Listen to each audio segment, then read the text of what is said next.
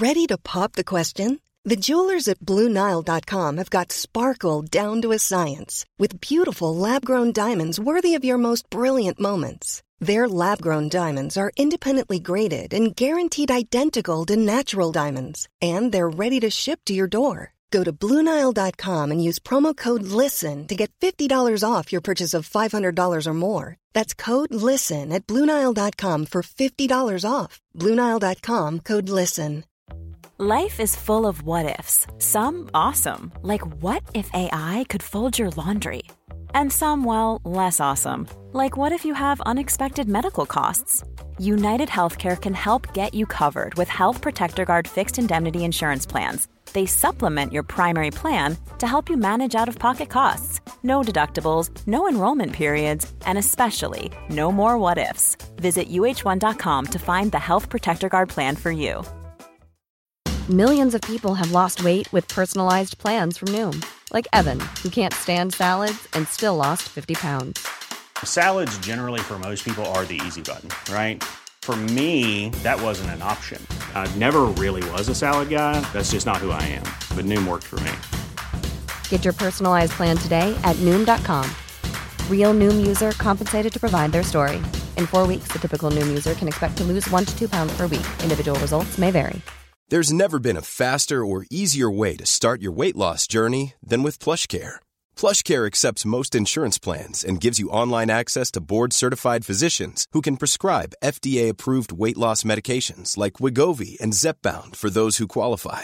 Take charge of your health and speak with a board-certified physician about a weight loss plan that's right for you. Get started today at plushcare.com slash weight loss. That's plushcare.com slash weight loss. plushcare.com slash weight loss.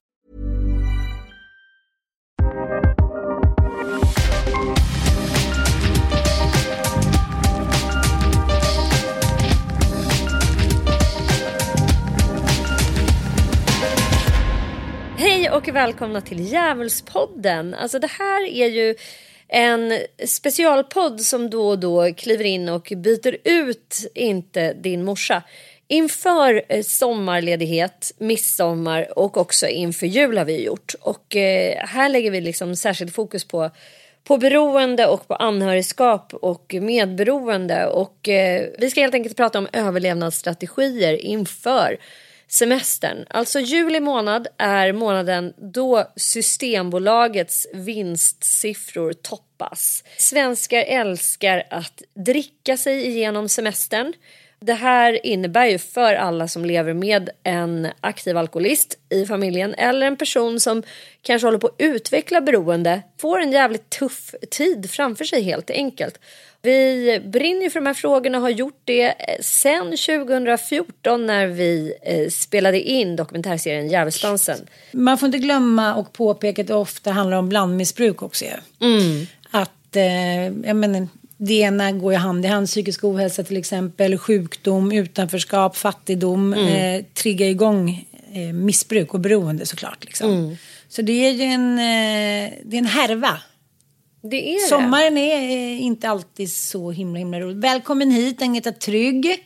Tack så mycket. Pionjär kan vi väl säga. Du har ju skapat eller initierat stiftelsen Trygga Barnen. Kan du berätta lite grann om varför ni startade Trygga Barnen? Jag var gift med en man som var jätterik och jättesnygg och hade reklambyrå. Han var aldrig full och han var alltid snyggt klädd och han sluddrade aldrig. Så det var jag, och jag märkte ju då efter ett tag att det var någonting som var konstigt, men det tog ju ett tag. Och det var faktiskt eh, min mellandotter som jobbade i England som ringde hem till mig och sa om inte du lämnar vår pappa så föraktar jag dig. Din mellandotter. Ja, Ida. Hur lång tid tog det innan du förstod? Eller var det Ida som liksom tvingade dig att förstå? Ja, det kan man nog säga. För att när jag tänker tillbaka så var det säkert fem år som jag levde i medberoende. När vi käkade middag och jag började förstå att Hans drack lite för mycket och han ville att jag skulle dricka. Då vågade jag inte, jag ville liksom inte säga nej då för då blev han sur. Så då började jag ha ursäkter så här att "Ah, jag måste bara gå och hämta en sak i köket. Och så tog jag mitt vinglas, hällde ut det i slasken och fyllde på äppeljuice. Så att inte han, jag ville inte störa honom. Det här är, Wow. ja, men det här är så typiskt medberoende att man bara ska se till att allting blir lugnt och framförallt för barnens skull. För min yngsta dotter som då bodde hemma, jag ville ju inte att hon skulle märka men hon hade ju märkt för länge sedan. Så att, tänk om vi hade börjat prata om det här på en gång. Och det är därför jag tycker det är så viktigt. Så att ni gick omkring där, du trodde att du upprätthöll liksom någon fasad, du spelade med, eh, verkligen tycker jag avan- ganska avancerat ändå. Att du kände att du inte ville förstöra stämningen. Mm. Och det här är ju någonting som jag tycker att vi kan återkomma till nu inför sommaren. Det Vi här skulle jag säga är medberoendet i dess rena form. Och, och Att man försöker hålla liksom homeostas, det vill säga jämvikt. Ingen får bli arg, ingen får bli upprörd, ingen får, får bli liksom skapa dålig stämning. Och där tassar man runt och går in då i djävulsdansen så att man faktiskt underlättar för den personen som har ett begynnande beroende att utveckla det.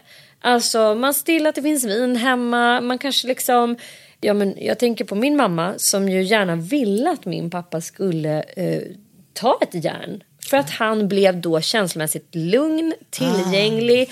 Han liksom, ångesten gick ner och han blev kärleksfull och härlig. Och det visste hon ju att så här, nej men gud det är lika bra att han får dricka två, tre glas vin. För, för det är då han kommer liksom slappna av i det här sammanhanget. Då försvinner svärtan. Mm. Så att man egentligen då matar den eh, björn som sover på något sätt. Och det här är ingenting man gör av ondo utan det här gör man ju av ren okunskap. Och man gör det för att skapa en känslomässig miljö som inte är upprörd och eh, agiterad. Så syftet är ju från början liksom gott. Det handlar ju om att släcka bränder och vilja skapa någon slags... Jo, för jag kommer ihåg den första julen som det började, för jul som ni pratade om är känsligt och midsommar. Men vår första jul, det var när jag förstod liksom att vad kommer hända nu? Då vet jag ju att när sillen kommer fram, då ska nubben fram. Och det, du vet, det ska drickas. Så då tänkte jag, vad gör jag nu? Så då gick jag och pratade med Hans. Kan vi tänka oss att äta något annat? Är det något, någonting du skulle kunna vilja ha istället? Ja, skaldjur. Ja, tänkte jag, gud vad bra. Och då, så, då åker jag in till hallen och, och handlar en jättefin middag och allting. Men då måste vi köpa ett extra gott vitt vin, kom det från Hans då. Det, kan vi bara stanna där? Det hjälper inte hur mycket vi än försöker om beroendepersonen inte själv vill.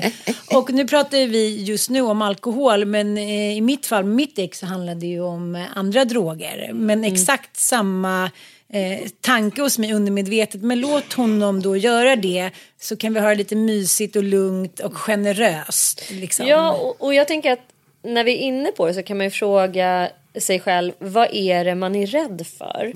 För att det här kan ju förutom stående eh, teser som att man är liksom tandlös och eh, ja, men feg som inte vågar konfrontera och inte vågar liksom ställa krav eller sätta gränser. Men då ska man veta att det man är rädd för det är ju eh, framförallt aggressivitet skulle jag säga. För att en person som redan har gått in i ett beroende uppvisar ju en mängd olika typer av beteendeförändringar där impulsivitet och aggressivitet och irritation är mycket, mycket större utbrett. Så får man inte tillgång till sin drogsubstans eller sitt beteende om man kanske har ett spel eller sexmissbruk så kommer det följas av Alltså frustration och aggression. En person som har siktet inställt på en nubbe till sillen eller det goda glaset med vin till skaldjurslunchen. Och så säger man nej, jag kommer inte köpa någon vin. Då kommer det bli konflikt. Och det är det man är rädd för. Det är det man tycker är obehagligt att stå i det där. Och den konflikten, någon beskrev det för mig, jag minns inte vem det var, men uttrycket är så otroligt jävla, alltså det har öppnat ögonen för mig. Manipulativ konflikt. När man drar igång en konflikt för att få förse sig med sin drog. Och de här manipulativa konflikterna ökar ju i eh, liksom omfång, i utsträckning och i frekvens. Så att till slut, livet med en aktiv missbrukare handlar väldigt mycket om konflikt. Därför att de måste ha anledningar hela tiden att få dricka. Och en konflikt skapar upprörda känslor och alla substanser och beteenden då som man kan missbruka är ju känslodämpande. Så den manipulativa konfliktens liksom, ja men det man vill med den det är att röra upp känslor så att man ska kunna dämpa dem med alkohol eller droger. Mm. Så livet tillsammans med en aktiv missbrukare handlar sjukt mycket om att vara i någon form av konflikt. Och det kan vara liksom tyst konflikt. Man ska inte glömma bort att ghost, alltså vad heter det? Ghosting. Ghosting eller gaslightning när man går runt och är tyst och inte pratar om det där. Det är en, också en typ av Till konflikt. ännu värre, skrik hellre lite. Ja. Det där tysta, så, så många barn också vittnar om att så här, Hålla att man- fasad. Att gå på liksom krossat glas, att inte förstå inte vad som har hänt men ändå förstå att ingen säger till oss som barn vad det är som händer. Det känner jag igen från min egen eh, uppväxt. Att så här, mamma stod och liksom grät bakom någon, ja, någon litet eh, härbre i Dalarna för pappa hade blivit för full och gjort någon galenskap. Liksom. Även om de flesta traditioner liksom som påsk och jul och midsommar och all pingst och allt vad det är eh, såklart triggar igång liksom, den beroende personen så kan, för mig är det väldigt betingat med just jul och midsommar. So, sommarmånaderna när allting är så ljust och enkelt och ändå så norenskt på något sätt. Och ni har ju den här stiftelsen, ni finns på flera olika ställen i Sverige. Och eh, ni... Vi ska säga att det är två stiftelser nu för tiden. Det är Nej. ju Trygga Barnen och Trygga Vuxna. Ja, alltså, Jaha, Trygga Barnen, jag är ju inte aktiv på det. Jag, jag var med och grundade Trygga Barnen. Jag jobbar inte aktivt med Trygga Barnen. Men anledningen till att jag startade Trygga Vuxna, det var just det här för att barnen fick så himla bra hjälp hos Trygga Barnen. För Trygga Barnen har grupper från 7 till 25 år. Och det är också någonting som jag verkligen vill berätta, att varför till 25? För att vi anser inte att du är vuxen bara för att du är 18. Nej. Utan du ska fort, och jag tycker det, jag tror Trygga Barn är den enda organisation som har barn upp till 25. Och det märks på de grupperna med de äldre barnen, det händer så mycket. Men när barnen hade gått en termin hos Trygga Barnen och så kom tillbaka och sa, alltså mamman eller pappan som var medberoende måste göra någonting. För barnen, du vet, det kommer hem och det likadant som det var innan. Man tillfrisknar själv. Ja, Den enda som så att säga får möjlighet att, att uttrycka sina känslor och sina Ja. behov kanske är barnet. Men de vuxna stannar i den här Mm. dysfunktionella miljön och i det dysfunktionella familjesystemet. Exakt. Och, och därför skapade du Trygga Vuxna. Vad gör man på Trygga Vuxna? Jo, men då kan jag berätta vad som, jag har portaler. En medberoende eh, terapeutportal och en advokatportal. Där jag, då ringer folk till mig, alltså medberoende vuxna och jag hjälper inte den beroende men ibland blir det ju att den beroende blir indragen så att jag kan hänvisa. Och då ser jag till att de kommer till en terapeut och mitt vapen, eller det som jag använder det är att om jag rekommenderar en person att ringa till en terapeut så vill jag att de återkopplar till mig och berättar och det märker jag. För när jag fick hjälp då var det verkligen så här, min terapeut sa gå upp på din platå nu Agneta, skärp dig. Just det här, alltså man vågar säga ifrån för det är så svårt ibland. "Ah, Ska jag gå i terapi? Jag är inte sjuk. Men om någon slår dig i huvudet lite så du kommer iväg så får du kontakt med den där bra terapeuten. Och då är det skönt också för dem att veta, ja då måste jag ringa till Agneta och berätta hur det var. Och jag märkte det funkar bra. Och sen när det gäller advokatportal, det här med vårdnadstvister. Jag säger ju så här, ju mer kär du är, ju mer papper ska vara påskrivet innan du går över tröskeln. Jag vet ju många, om du lever med en rik man eller rik kvinna så kanske du inte har lust att skilja dig för att du inte vill flytta från det här fina huset eller det här vackra landstället eller vad det än är. Men ger vi dem sunt förnuft och bra redskap från början så blir det mycket enklare. Jag har ju varit med, alltså varför jag har gjort det här det är av egen erfarenhet. Jag kan bara berätta att Hans, vi hade egna företag och han skrev inte på mitt men jag skrev på hans. Men jag hade en så bra advokat och det är så det kommer. Så att jag vet fortfarande inte vad hon gjorde men hon tog med sig Hans på en promenad. Och sen kom hon tillbaka och så skrev han på pappret. Så, jag- så jag vet att Sån det går. tur har inte alla, det ska säga. Nej, men alltså det beror på att det här är också skicklighet hos advokater. Och hur man vågar. Så kanske Hans var svag just då, jag vet inte. Men det är också det här tycker jag med Och det sekretess. underlättade din skilsmässa. Ja, och den var ju inte så lätt heller för han var ju jättesjuk. Nej, men jag tycker också det här med eh, sekretesslagen, alltså allt. och Har, åter som jag tycker så bra med er och som jag lärde mig från djävulsdansen. Där har du rätt verktyg? Och rätt människor omkring dig och våga be om hjälp. Det är så viktigt.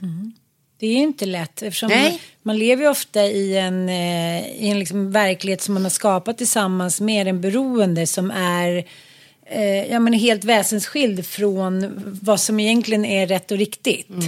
För som medberoende får man höra då om du berättar det här kommer ditten och datten hända. Det kan vara allt från att då kommer mina föräldrar dö, då kommer barnen bli mobbade. Man liksom korvstoppas med att man själv i stort sett är skyldig till det som pågår. Och sen börjar sen prata om den här djävulsdansen att sen, blir, sen vet man inte vem som är medberoende och vem som är beroende efter ett tag. Det är ungefär samma symptom. Men jag tänkte på Sandra då på The House. Hon sa ju till mig att eh, någonting som fick mig att tänka till lite. Inte för att jag inte har förstått det innan. Men din drog är ju lika stark. Men det är ju känslor. Eh, Du måste ju liksom fluffa och dämpa eh, känslor på alla runt omkring dig. Missbrukaren har ju sin drog. Egentligen när den tar slut. Eller om hen då lyckas liksom eh, bli fri från det beroendet. Så är ju liksom, eh, ja då är man ju ganska, inte klar, men det är i alla fall man står fri. Men själv, jag menar, ibland kan man ju som vi pratar om vara medberoende till en falukorv. Man bara, det är ingen fara typ. ja, men jag bara, det, när man gör liksom stegen igen, jag säger man ser tillbaka på sitt liv och alla de där som man har tröstat på förskolan och gamla gubbar som har tappat snusen som man har gett sin väska till. Och det liksom finns ju inga begränsningar på hur synd man tycker om alla människor. Man tänker sig, de klarar inte det här. Nej, det, det är kanske du som, inte klarar det här så himla bra. Så att eh, man ska inte underskatta, liksom, inte, inte för att man kallar det för en sjukdom, men det håller ju en i exakt samma hårda grepp som drogen gör. Mother's Day is around the corner. Find the perfect gift for the mom in your life with a stunning piece of jewelry from Blue Nile. From timeless pearls to dazzling gemstones, Blue Nile has something she'll adore. Need it fast? Most items can ship overnight. Plus, enjoy guaranteed free shipping and returns. Don't miss our special Mother's Day deals. Save big on the season's most beautiful trends. For a limited time, get up to 50% off by going to BlueNile.com. That's BlueNile.com. Ryan Reynolds here from Mint Mobile. With the price of just about everything going up during inflation, we thought we'd bring our prices down. So to help us, we brought in a reverse auctioneer, which is apparently a thing. Mint Mobile unlimited premium wireless. Ready to get 30, 30, bit to get 30, bit to get 20, 20, 20, bit to get 20, 20, bit to get 15, 15, 15, 15 just 15 bucks a month. So, Give it a try at mintmobile.com slash switch. $45 upfront for three months plus taxes and fees. Promo rate for new customers for limited time. Unlimited more than 40 gigabytes per month. Slows. Full terms at mintmobile.com.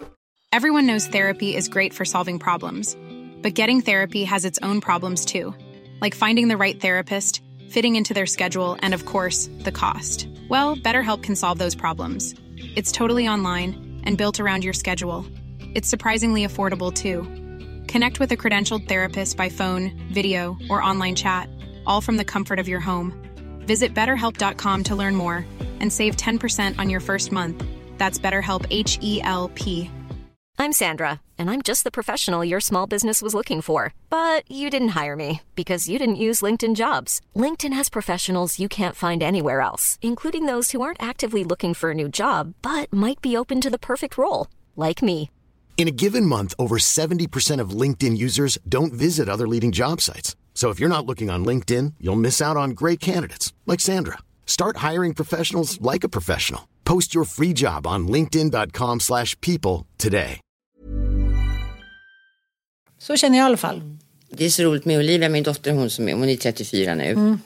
När, när, så här, fredagskvällar, då ville jag att det skulle vara jättekul att komma hem till oss. Mm. Ibland var Hans hemma eller också låg han och sov och så brydde vi oss inte om honom. Nej. Så du vet, alla kompisar kom hem till oss för att öppna skafferiet. Det var bara fyllt av godis och chips och popcorn.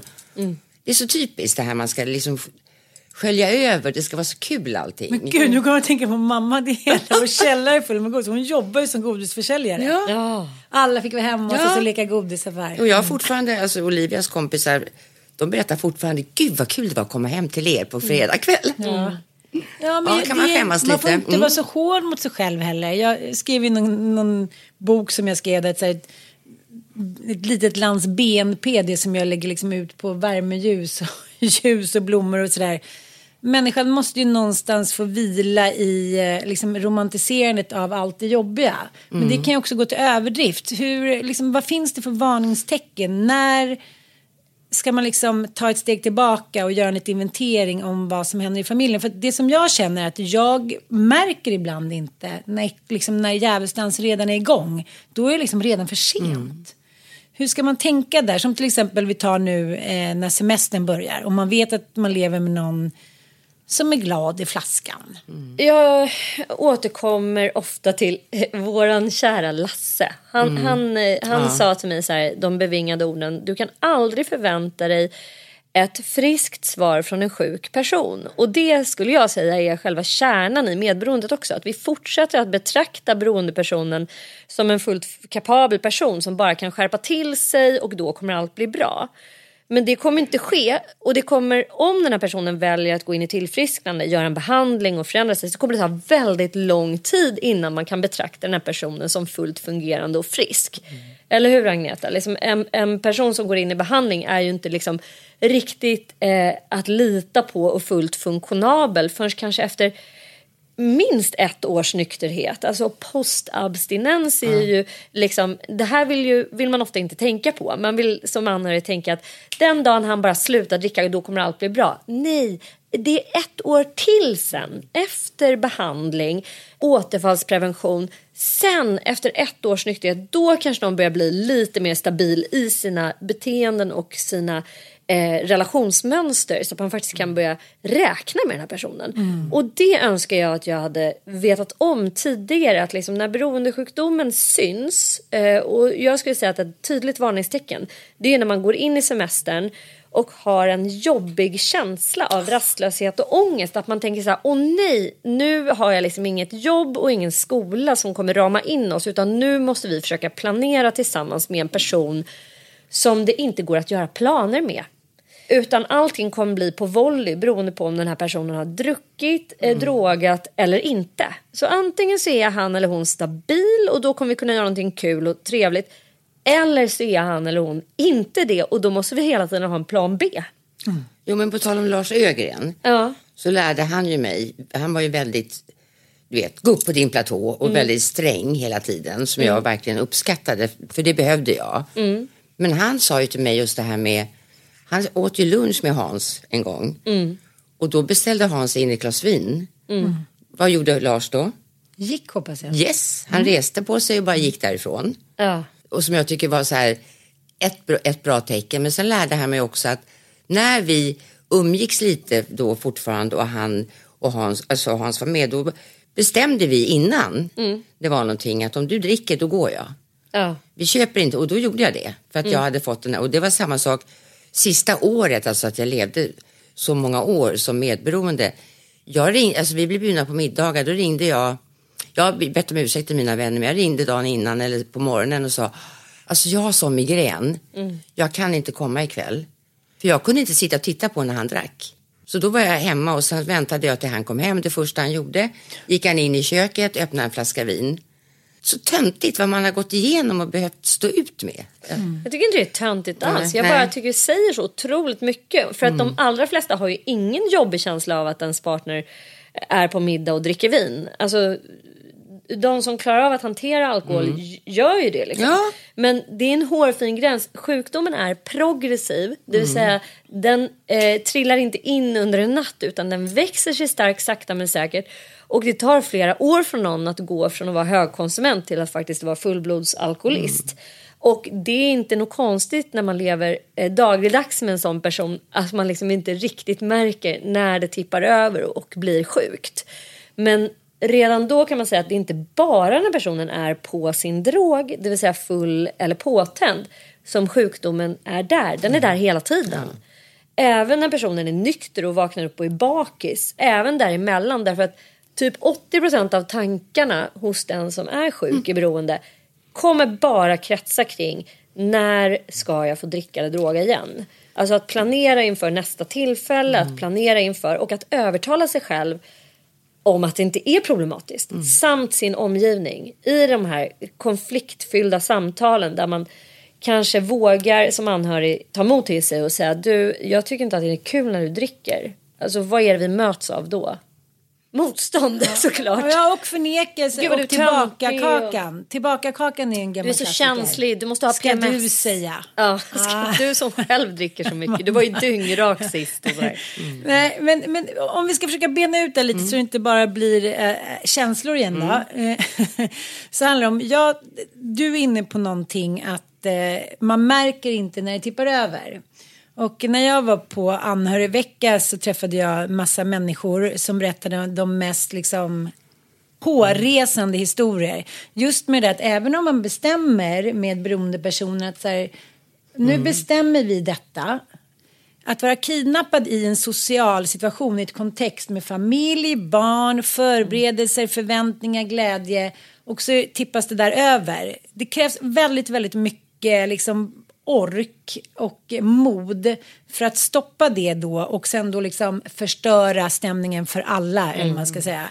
Så jag tycker man ska tänka igenom så här, eh, okej, är det ens värt det? Ska vi tänka att så här, antingen gör vi någon mindre grej om vi nu vill vara ihop så vi inte riskerar liksom alla triggers. Det är liksom hundratals triggers överallt. Eh, två, vi kanske ska eh, fira på, olika varsitt sätt. håll. Det kanske en halv dag är vi där och sen möts vi upp eller någonting. Det här med att man ska då säga då går jag om du börjar dricka eller om vi kommer och du har druckit då går vi. Alltså, Det har ju vi sagt till varandra många gånger men det är ju inte helt enkelt liksom. För man, om man är själv med beroendepersonen då är det bara så här hej då här får du ett finger adjö. Men det är alltid liksom i ett socialt kontext där förväntningarna kanske har funnits i månader. Och eh, flera av de här eh, före detta alkoholisterna de var ju på behandlingshem så att ja, de var verkligen under sitt första eh, stapplande tillfrisknande. De sa ju också den här fantasin som eh, uppfinningsrikedomen hos människor när någon tar ifrån dem det de älskar och åtrår allra mest. Det är som att säga till ett barn så här, nej, nu får inte du ha den där godispåsen först nästa vecka. Men Allting triggas igång hur de ska hitta den här godispåsen, ska övertala den här. Gömma den. Ja, liksom, och det var liksom så många historier som vi aldrig ens skulle kunna komma på om vi satt och skrev liksom manus som skulle vara helt galna. Det var allt från att eh, låtsas stå på 50-årsresan i Dubai när man insåg att oj, det här var ett alkoholfritt hotell. Nu ska jag göra som du vill älskling. Nu kommer jag precis på, jag ska börja jogga. Jaha, nu när jag fyller 50. Och alla duperar alla. Han kommer tillbaka, har då stannat till och druckit på vägen på sin joggingrunda. Kommer tillbaka till hotellet packad. Frun märker det. Det är liksom den här tystnaden, överenskomna. Ingen vågar säga någonting. Man vill inte ha dålig stämning. Någon hade gått ut med hunden. gått, nej. Någon har tagit bilen, kastat ut tre, fyra öl.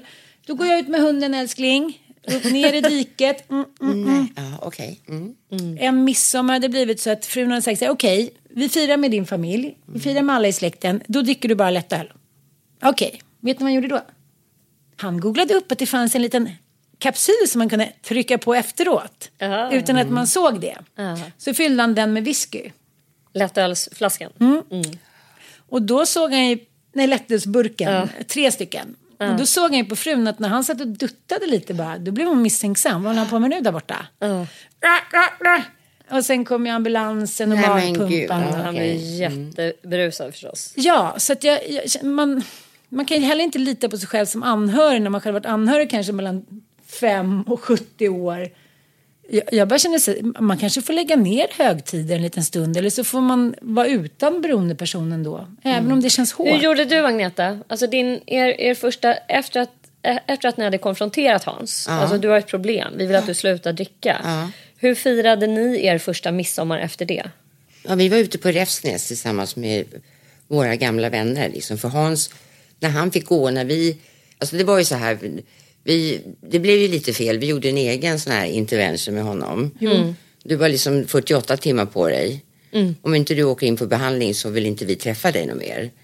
Och han hade ju pengar och allting så han, han drog ju men då bodde han ju på, alltså det var flera år liksom när han fanns och bodde på hotell runt och gömde sig i trädgården och fick besöksförbud och Mm. och alla såna här grejer. Så att det, Er, eran plan, alltså din dröm Ja. hade ju varit att han skulle ha lyssnat på er och gått Ja, in och ja. gjort en behandling. Ja. Och det är faktiskt en väldigt viktig historia. Därför att vi matas ofta med att så här, den här interventionen kommer liksom lyckas. För familjen betyder så mycket. Men den gör inte alltid det.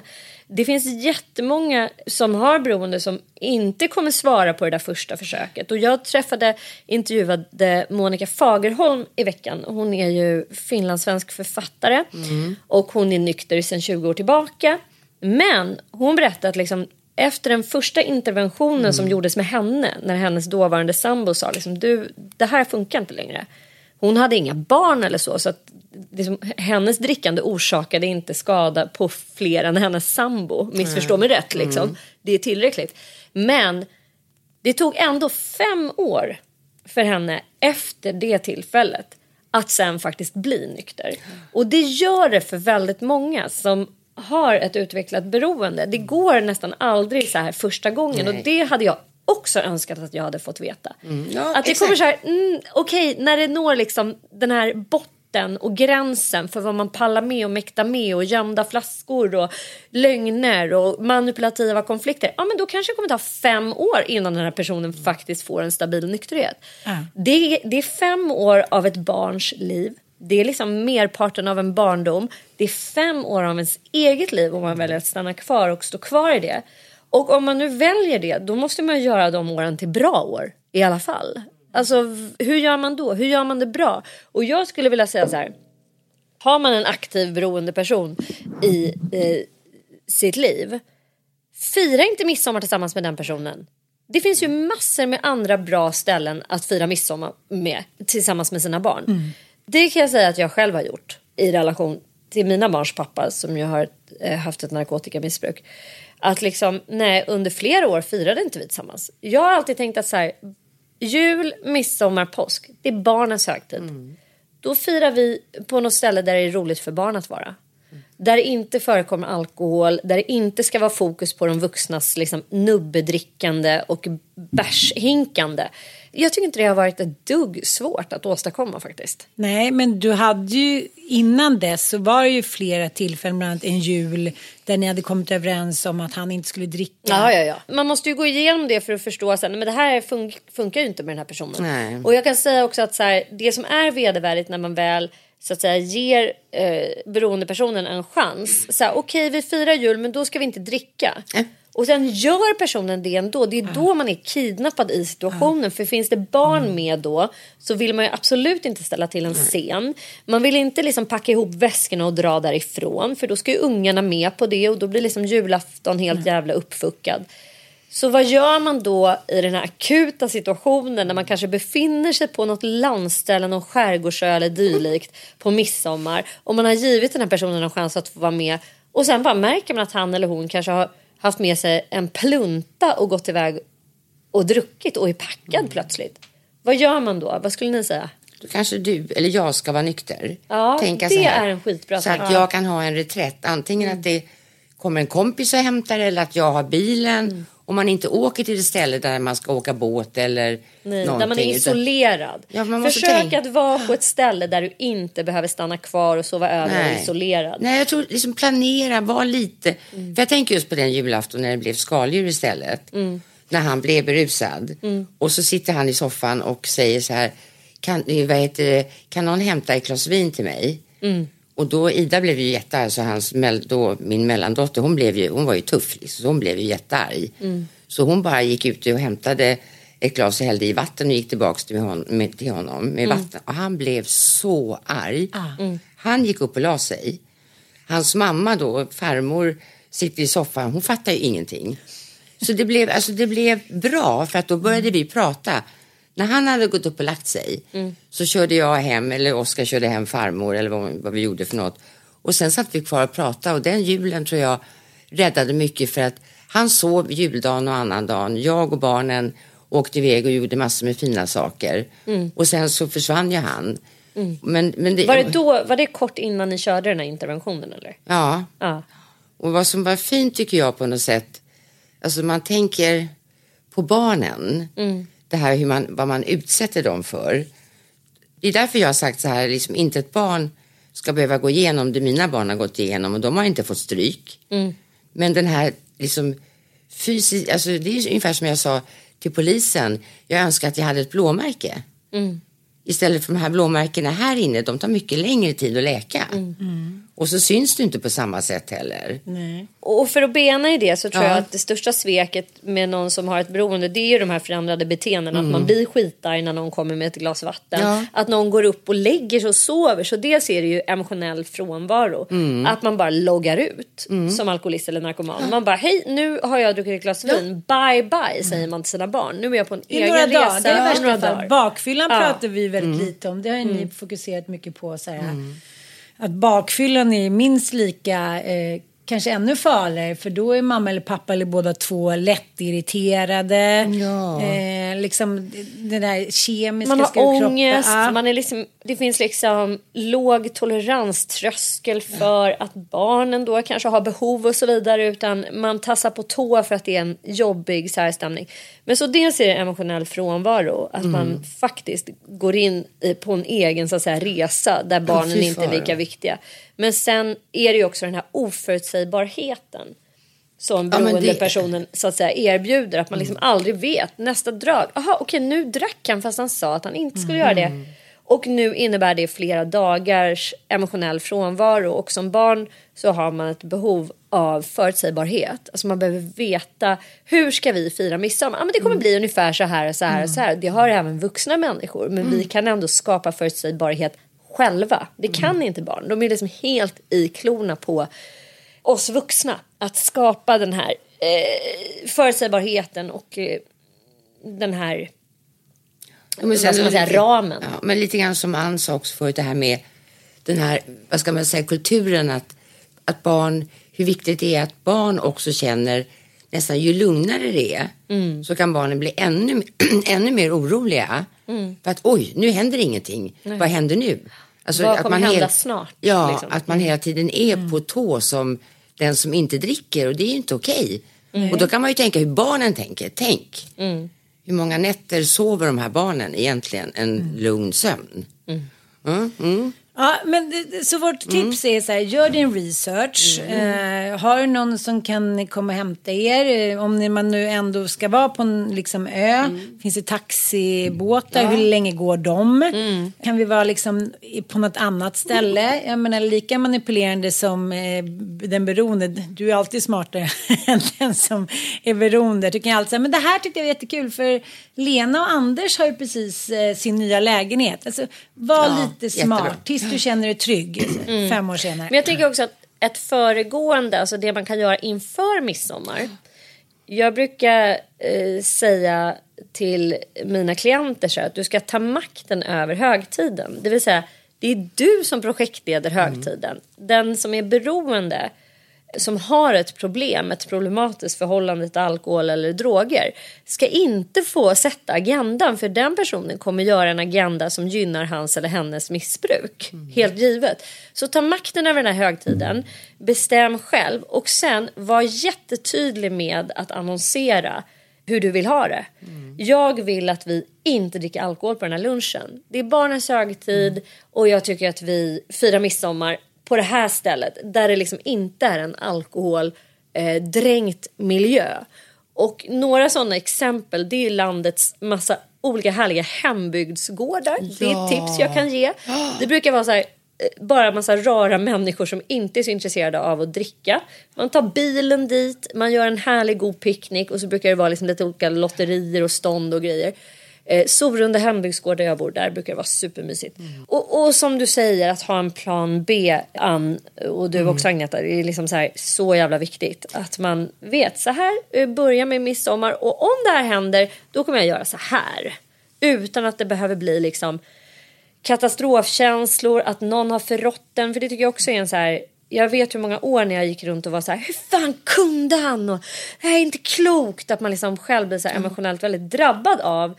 Eh, Såklart man Jo fast samtidigt så tänker jag så här, ju mer kunskap jag har om det, desto mindre emotionellt drabbad blir jag av det. Det är klart att en alkoholist eller narkoman som är aktiv kommer dricka om det är liksom ett bord med sprit framför en. Ja, men det Varför jag menar, om du är förberedd förvånad? så kan man du släppa. förberedd så Men det är det man det. inte har varit. Det är där man Nej. har varit så jävla naiv. För att man har Mm. inte haft kunskaper. Så man har, varje gång så har man ju trott på den här personen. Ja. Så här, Jaha, du skulle bara gå iväg och titta lite där borta.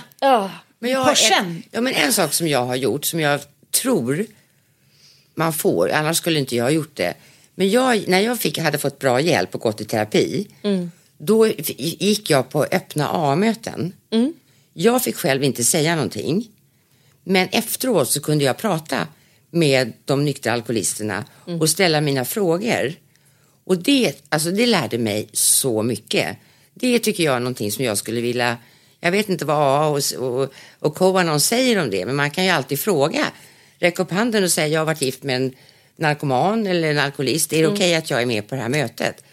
För jag Ja, de mig... har öppna möten Ja, det- ja, där får- alla är välkomna. och och det det var jag håller med dig Agneta. Jag, Ja. tycker verkligen, jag har varit på flera öppna, Mm. framförallt NA-möten. Det är också för man går runt och har en väldigt ilska, Mm. man hatar sin missbrukare till slut. Man, man har liksom ett förakt inför den här jävla idioten som har ställt till ens liv på det här bedrövliga viset. Och det kan jag säga också har återfått min respekt och kärlek för att det här är människor som verkligen kämpar. Egentligen så är det, det är liksom ingen människa som vill förstöra någon annans midsommar. Nej. Det är sjukdomen som gör det här och det, det skapar också bomull över en redan trasig själ. Att förstå att liksom, det är inte personligt riktat mot oss som är anhöriga. Det är inte personligt riktat mot Nej. oss.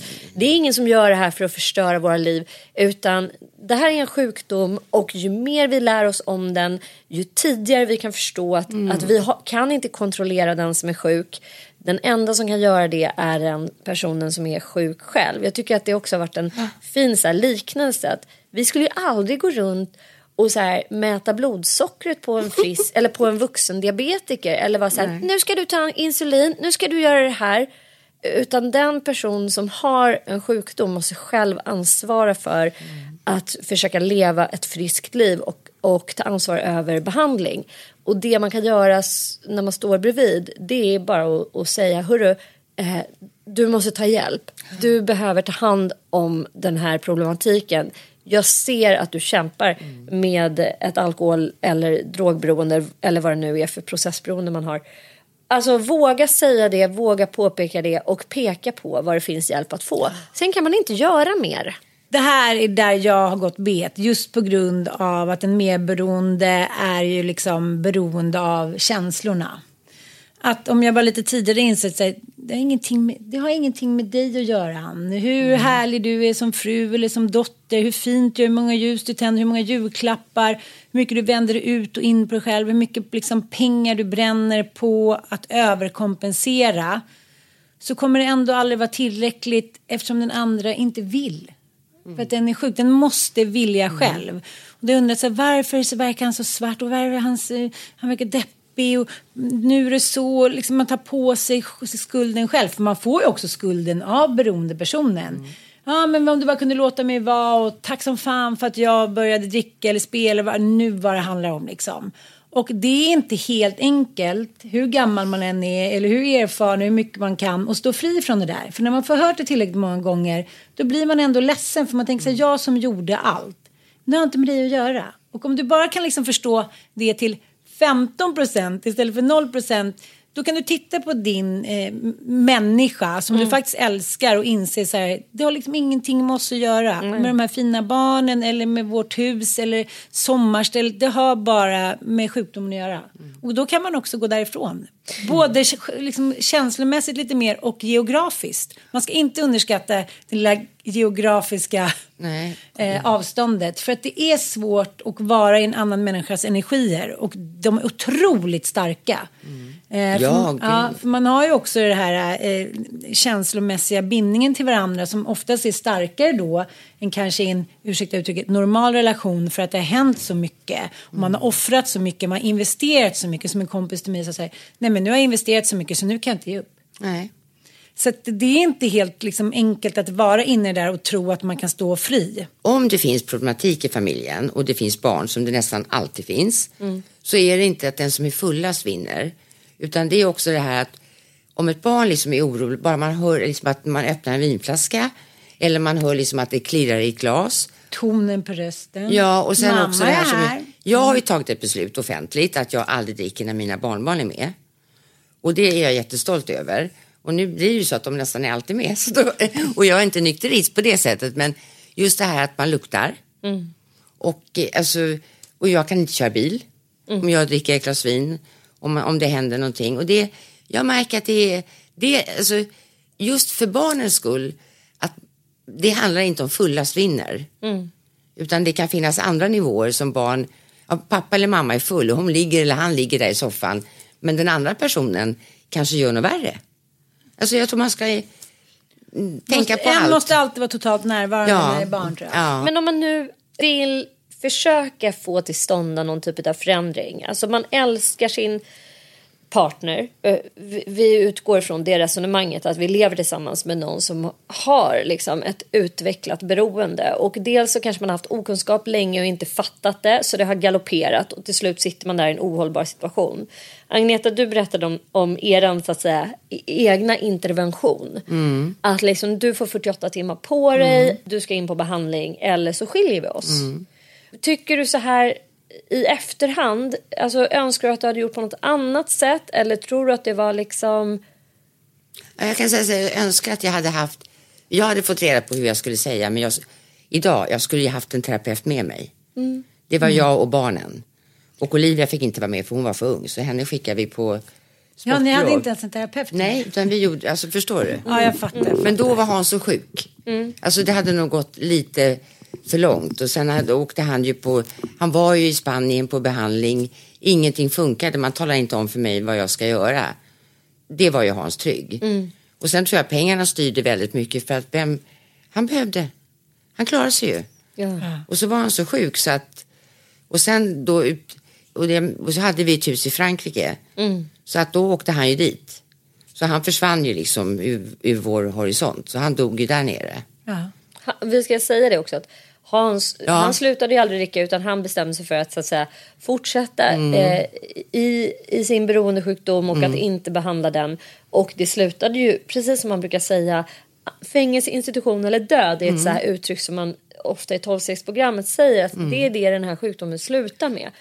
Och den gör ju det, alltså obehandlad. Det säger min erfarenhet mig också. Jag har ju träffat en och annan eh, i mina dagar. Liksom att så här, det, det kan aldrig sluta så här. Ja, men han var skitalkoholiserad och det var åt helvete. Men sen blev han bra igen. Alltså jag har jag hittills inte träffat en enda person som har lyckats vända det här och kunnat börja lära sig dricka normalt. Även om det finns så många alkoholister lyfter ju gärna fram de här liksom vad ska man säga att de är? Men de är ju så här maskrospersoner som är så här, ja men han var nere i skiten men nu kan han sitta och sippa på ett glas chablis Nej, i nej. solnedgången. Det händer liksom Nej. inte, det existerar faktiskt inte. Om man har varit alkoholist eh, så kommer man aldrig kunna börja dricka igen. Normalt igen, nej. Nej, nej, överhuvudtaget. Eh, Men får jag bara fråga, har du kört någon intervention med en, någon beroende person i din närhet någon gång?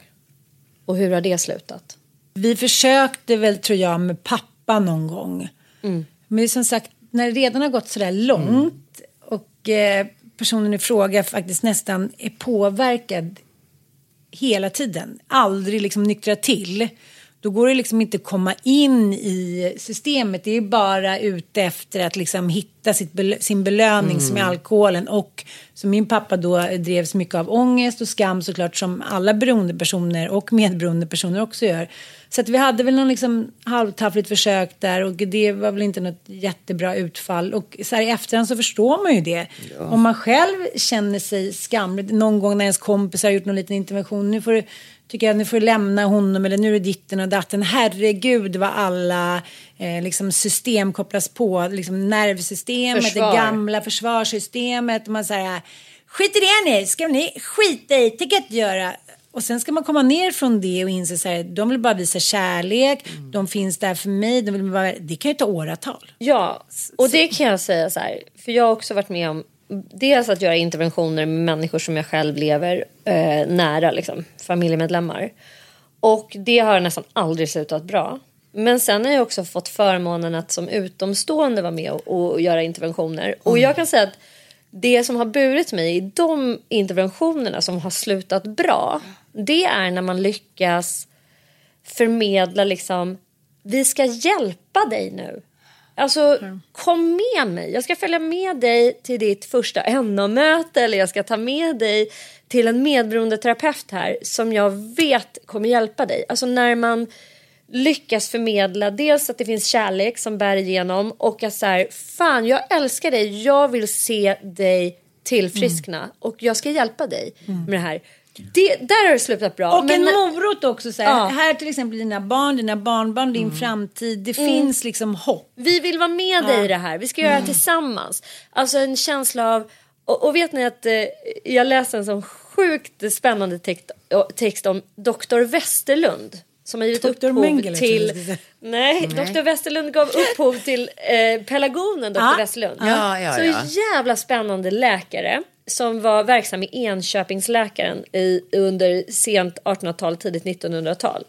Men han, hade liksom, han var så framstående framför allt med personer som hade missbruk och psykisk ohälsa. Och vet ni vad det viktigaste i hans behandlingsmetod var? Det var att när han fick en patient eller klient till sig, det var att prata i vi-termer. Nu ska vi... Nu Som man ska gör med vi barn. göra det här. Ja, alltså att att man skapar en allians tillsammans med mm. den man vill faktiskt hjälpa. Mm. Vi två ska ta oss igenom det här tillsammans. Att man känner att man inte är ensam.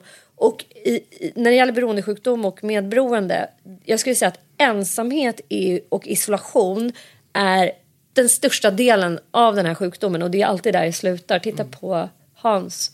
Att sitta ensam i Frankrike och dricka. Mm. Alla personer som utvecklar beroende slutar alltid totalt ensamma mm. i sitt missbruk. Och det är så fruktansvärt sorgligt att se därför att man byter ut alla sina mellanmänskliga mm. relationer, all kärlek, all familj mot sin drog. Mm. Och eh, det är otroligt plågsamt och sorgligt att se det på avstånd, att stå bredvid och titta på det liksom.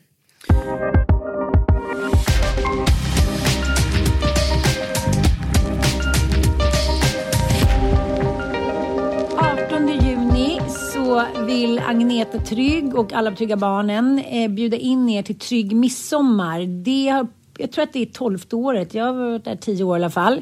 Där får barn eh, som lever i eh, familjer där det finns eh, missbruk eller beroende ta med sig en person som inte eh, missbrukar eller är beroende. Det låter kanske hårt, men det är för barnens skull och komma dit och eh, fira en väldigt fin midsommar en vecka innan då det är midsommar så att de ska kunna komma tillbaka sen till sina kompisar, till skolan och till gatan i stan eller på landet säga så här, jag hade en sån himla härlig midsommar och det är helt fantastiskt. Det är eh, lekar, eh, popcorn och mjukglass, eh, pyssel, kransbindning. Eh, helt fantastisk stämning och man kan såklart och ska såklart vara anonym. Tack för att ni har lyssnat och eh, jag vill bara skicka med er en sista grej. Förutom det vi sa, ta kontroll över högtiderna men också någonting som är lite svårt att inse ibland men som man kan ha lite som ett mantra och säga till sig själv varje morgon. Att eh, någon annans ansvar är deras ansvar, inte mitt. Det gör saker och ting så mycket lättare. Vill du säga någonting Agneta? Tack Ann och Sanna för den här stunden här där vi har förmedlat kunskap som jag hoppas att ni alla tar med er och tveka inte att höra av er om ni behöver hjälp. Vi finns här för er. Tack så mycket för att ni har lyssnat och glad sommar. Puss och kram, hej då!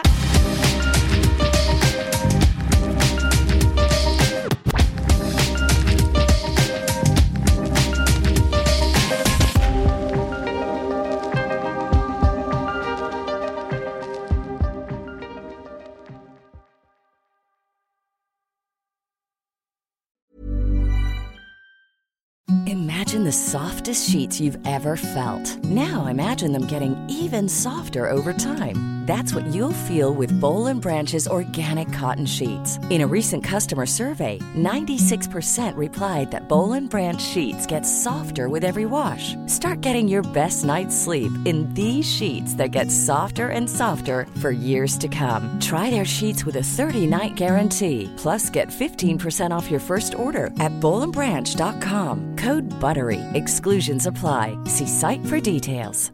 Hey, it's Paige DeSorbo from Giggly Squad. High quality fashion without the price tag. Say hello to Quince.